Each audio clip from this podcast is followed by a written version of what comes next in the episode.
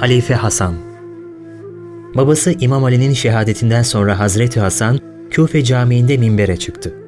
Bu sakin görünüşlü, gökçek yüzlü genç, gökten yere inmiş, yeşil elbiseli bir melek gibi durdu minberde.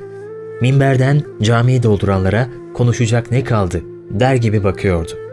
Yüreği babasının acısıyla doluydu. Yüzü yağmur yüklü bir bulut gibiydi. Sürmeli gözleri gamlıydı. Genç ve güzeldi. İyi bir hatipti. Güzel yüzlü yiğit, üzerinde mor bulutların uçuştuğu dağların başından engin ovalara bakan sürmeli bir ceylan gibi camiyi dolduran cemaate uzun uzun baktı, baktı. Nice zaman sonra, ''Ey kardeşlerim!'' diye başladı sözlerine. İmam Ali'nin oğlu olmaktan her zaman onur duydum ama inanınız ki şimdi korkular içindeyim. Çünkü o yeri doldurulamayacak bir insandı. Onunla aynı dünyada, aynı zamanda yaşamak sizler ve bizler için bir mutluluktu. Ey insanlar! Kur'an bu gece nazil oldu. Bu gece Kadir gecesidir. Musa peygamberin genci ve vasisi olan Yuşa bin Nun ve babam bu gece şehit oldu. Andolsun Allah'a ki kendisinden önce gelen ve sonra gelecek olan vasilerin hayırlısıydı. Altın ve gümüş olarak ihsan ettiği şeylerden ancak 700 dirhem parası kaldı. Bununla da kızı Ümmü Gülsüm'e ev işlerinde yardımcı olacak birisini bulmak istiyordu. Söz buraya gelince İmam Hasan'ı bir ağlama tuttu. Öyle şiddetli ağlamaya başladı ki ayakta duramıyordu. Minber, mihrap, kubbe, duvarlar, insanlar her şey dönüyordu. Kubbelerin kemikleri, insanların yürekleri sızlıyordu. Daha fazla ayakta duramadı. Minberin basamaklarına oturdu. Mescittekiler de hepsi birden ağlamaya başladılar. Feryatlar göklere yükseliyordu. Küfe şimdiye kadar hiç böyle bir an yaşamamıştı. İmam Ali'yi kaybettiklerine, koruyamadıklarına, bundan sonra İslam dünyasının başına gelecekleri ağlıyorlardı. Küfe Camii gittikçe kabaran bir gözyaşı denizine dönmüştü. Herkes sarsıla sarsıla ağlıyordu. O an caminin bir köşesinden, her köşesinden duyulabilen bir ses yükseldi. Uzat ellerini ya Hasan uzat, uzat ki Allah'ın kitabı ve Resulullah'ın sünneti üzerine sana biat edeyim. Kays bin Sa'd'ın sesiydi bu. Kays, büyük sahabe Sa'd bin Ubade'nin oğluydu. Zeki, genç ve cesur bir komutandı. Onun biatından sonra bütün Küfeliler Halife Hasan'a biat etmek için koştular. 35 yaşındaki o genç İmam Hasan olarak çıktığı minberden Halife Hasan olarak indi. Önce babasının katili kısas edilmeliydi. Halife Hasan bıraksa halk Abdurrahman bin Mülcem hainini linç edecekti. Babamın vasiyeti bu değildir. İşkence edilmeyecek. Kısas uygulanacak, dedi. Katil elleri bağlı bir şekilde duruyordu. İmam Hasan'la göz göze geldiler. Halife Hasan, kılıcın nerede? dedi. Kendi belinde de kılıç vardı ama katili kendi kılıcıyla öldürmek istiyordu. Katilin kılıcını getirdiler. İmam Ali'nin kanları vardı kılıçta. Halife Hasan'ın gözleri o kanlara ilişti. Gözleri doldu. Bununla mı öldürdün babamı? Evet, bu kılıçla öldürdüm. Günler geceler boyunca biledim ve Allah'a dua ettim. Allah'ım bu kılıcımla halkın en kötüsü ölsün diye. Öldürdüm de. Duan kabul olmuş ey gafil. İşte son defa halkın en kötüsü bu kılıçla ölecek. Kılıç havada parıldadı. Baş bedenden koptu. Kılıç bir kez daha kalktı havaya. Halk şaşırmıştı. Halim Selim halife, kopmuş başa niye bir darbe daha indirsin ki? Başa değil, taşa indirdi kılıcı. Kılıç parçalandı. Kılıç, halkın en kötüsünü öldürme görevini hakkıyla yerine getirmişti. Halife Hasan'a biat edenlerin sayısı kısa sürede 40 bini geçti. Mekke, Medine, bütün Hicaz, Yemen, Horasan ve İran halkı biat ettiler.''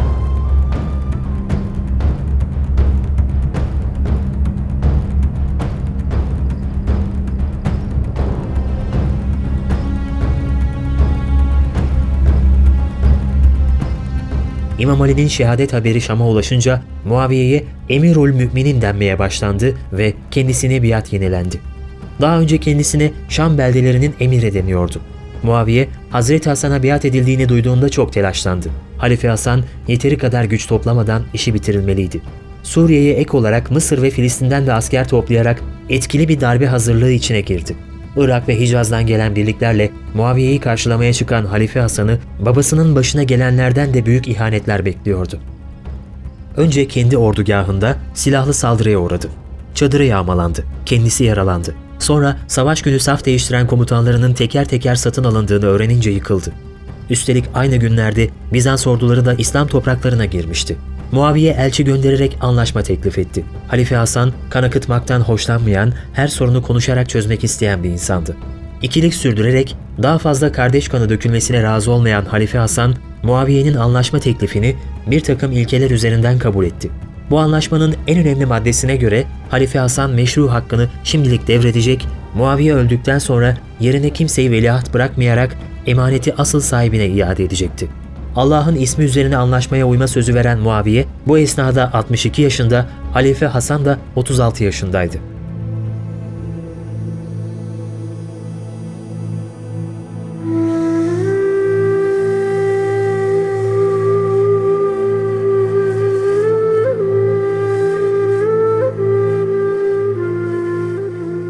Ehli Beyt Medine'ye dönüş hazırlıklarına başladı.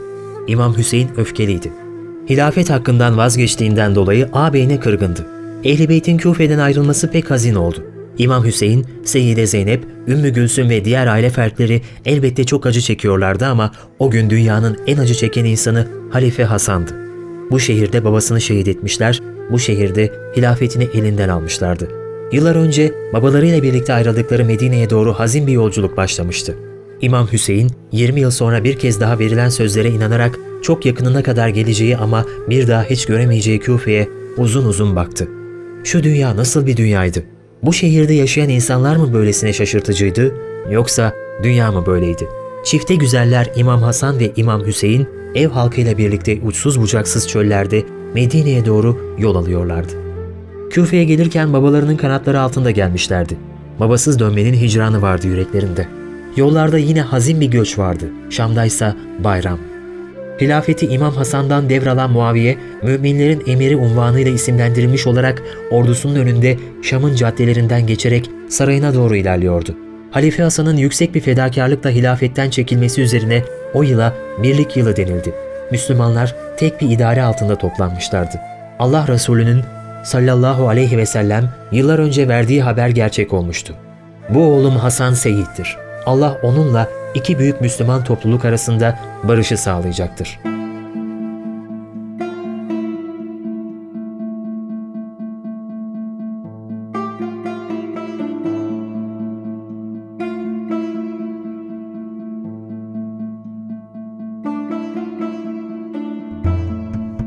İçte birlik, dışta fetihlerin muştusuydu. Esasında Muaviye, hilafetinin ilk dönemi itibariyle bir şekilde içte birliği sağladı. Bunun doğal sonucu olarak da Afrika'da, Kuzey Afrika içlerine, Asya'da nehir ötesi denilen Maverün Nehir'e, Bizans hakimiyetinde olan bölgelerde ise İstanbul'a kadar uzanan etkili seferler gerçekleştirdi. İstanbul kuşatıldı. Emeviler devrinde askeri seferlerde sağlanan parlak başarılar ne yazık ki İslam dünyasının iç bünyesine yansımadı. Ülkeyi baştan sona kapsayan bir kucaklaşma sağlanamadı. Dışta Eba Eyyub el-Ensari, Büreydetül Eslemi, Ukbe bin Nafi gibi üstün şahsiyetlerin cihat idealiyle örgülenerek gelişen ve İslam'ın evrensel boyutunu yansıtan fetih ve zaferler içte hayal kırıklığına dönüştü. Evrensel İslam'ın toplumu adalet ve insaf duygusuyla kucaklayan, şefkat ve merhamete dayalı sevimli yüzünün üstüne asabiyetin gölgesi düştü ve sahabenin sağduyusunca paylaşılan siyaset anlayışı yerine kabile yorumunun farklı bir üslupla benimsetilmek istenmesi insanları rahatsız etti.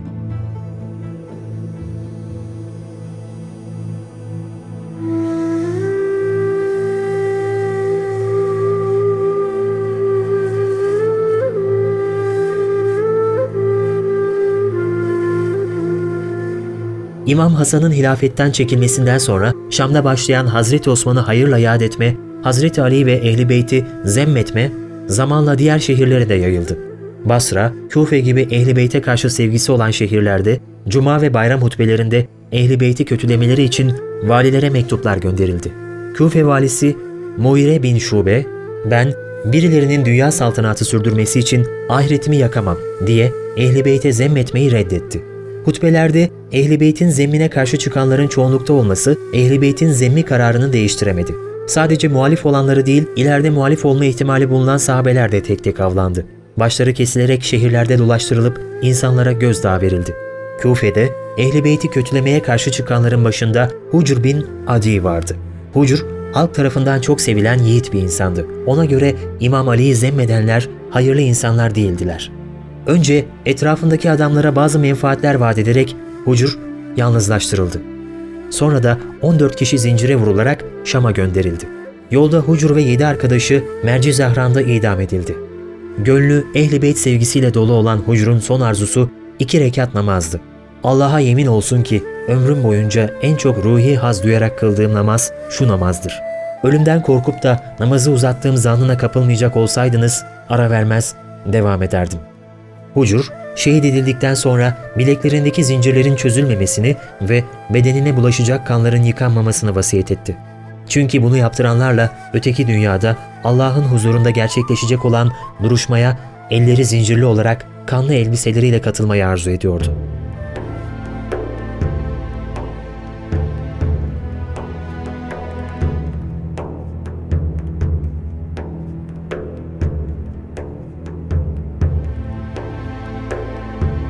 Bilal-i Habeşi, Ebu Zer gibi seçkin sahabeler Muaviye'nin yaptıkları karşısında Muaviye bizi meleklerden bile utanacak hale getiriyor demeye başladılar. Muaviye'nin icraatları kısa zamanda başta Hazreti Ayşe, Sa'd bin Ebi Vakkas, Abdullah bin Ömer, Hasan Basri gibi sahabenin ve tabiinin ileri gelenleri olmak üzere halkı rahatsız etmeye başladı. Yezid hakkındaki söylentiler cümle aleme duyulunca Hazreti Ayşe, Muaviye'ye bir mektup yazarak oğlu Yezid'in terbiyesiyle yakından ilgilenmesini, ahlak dışı davranışlarına engel olmasını, oğlundan bütün halkın müşteki olduğunu iletti. Hasan Basri gittiği her yerde Muaviye'nin icraatlarını eleştiriyordu. Eleştiriler genelde şu beş maddede toplanıyordu. Birincisi, ümmet üzerindeki hakimiyetini şurayla değil, kılıç zoruyla elde etti. İkincisi, Sümeyye'nin oğlu Ziyad'ı nesebine iltihak ederek Resulullah'ın sallallahu aleyhi ve sellem haram kıldığı bir şeyi irtikap etti. Üçüncüsü, Hucur ve arkadaşlarını öldürttü. Dördüncüsü, devlet memurluklarını akrabalarıyla doldurdu. Beşincisi, oğlu Yezid'i veliaht tayin etti. Oysa ki oğlu Yezid'in bu işe ehil olmadığını biliyordu.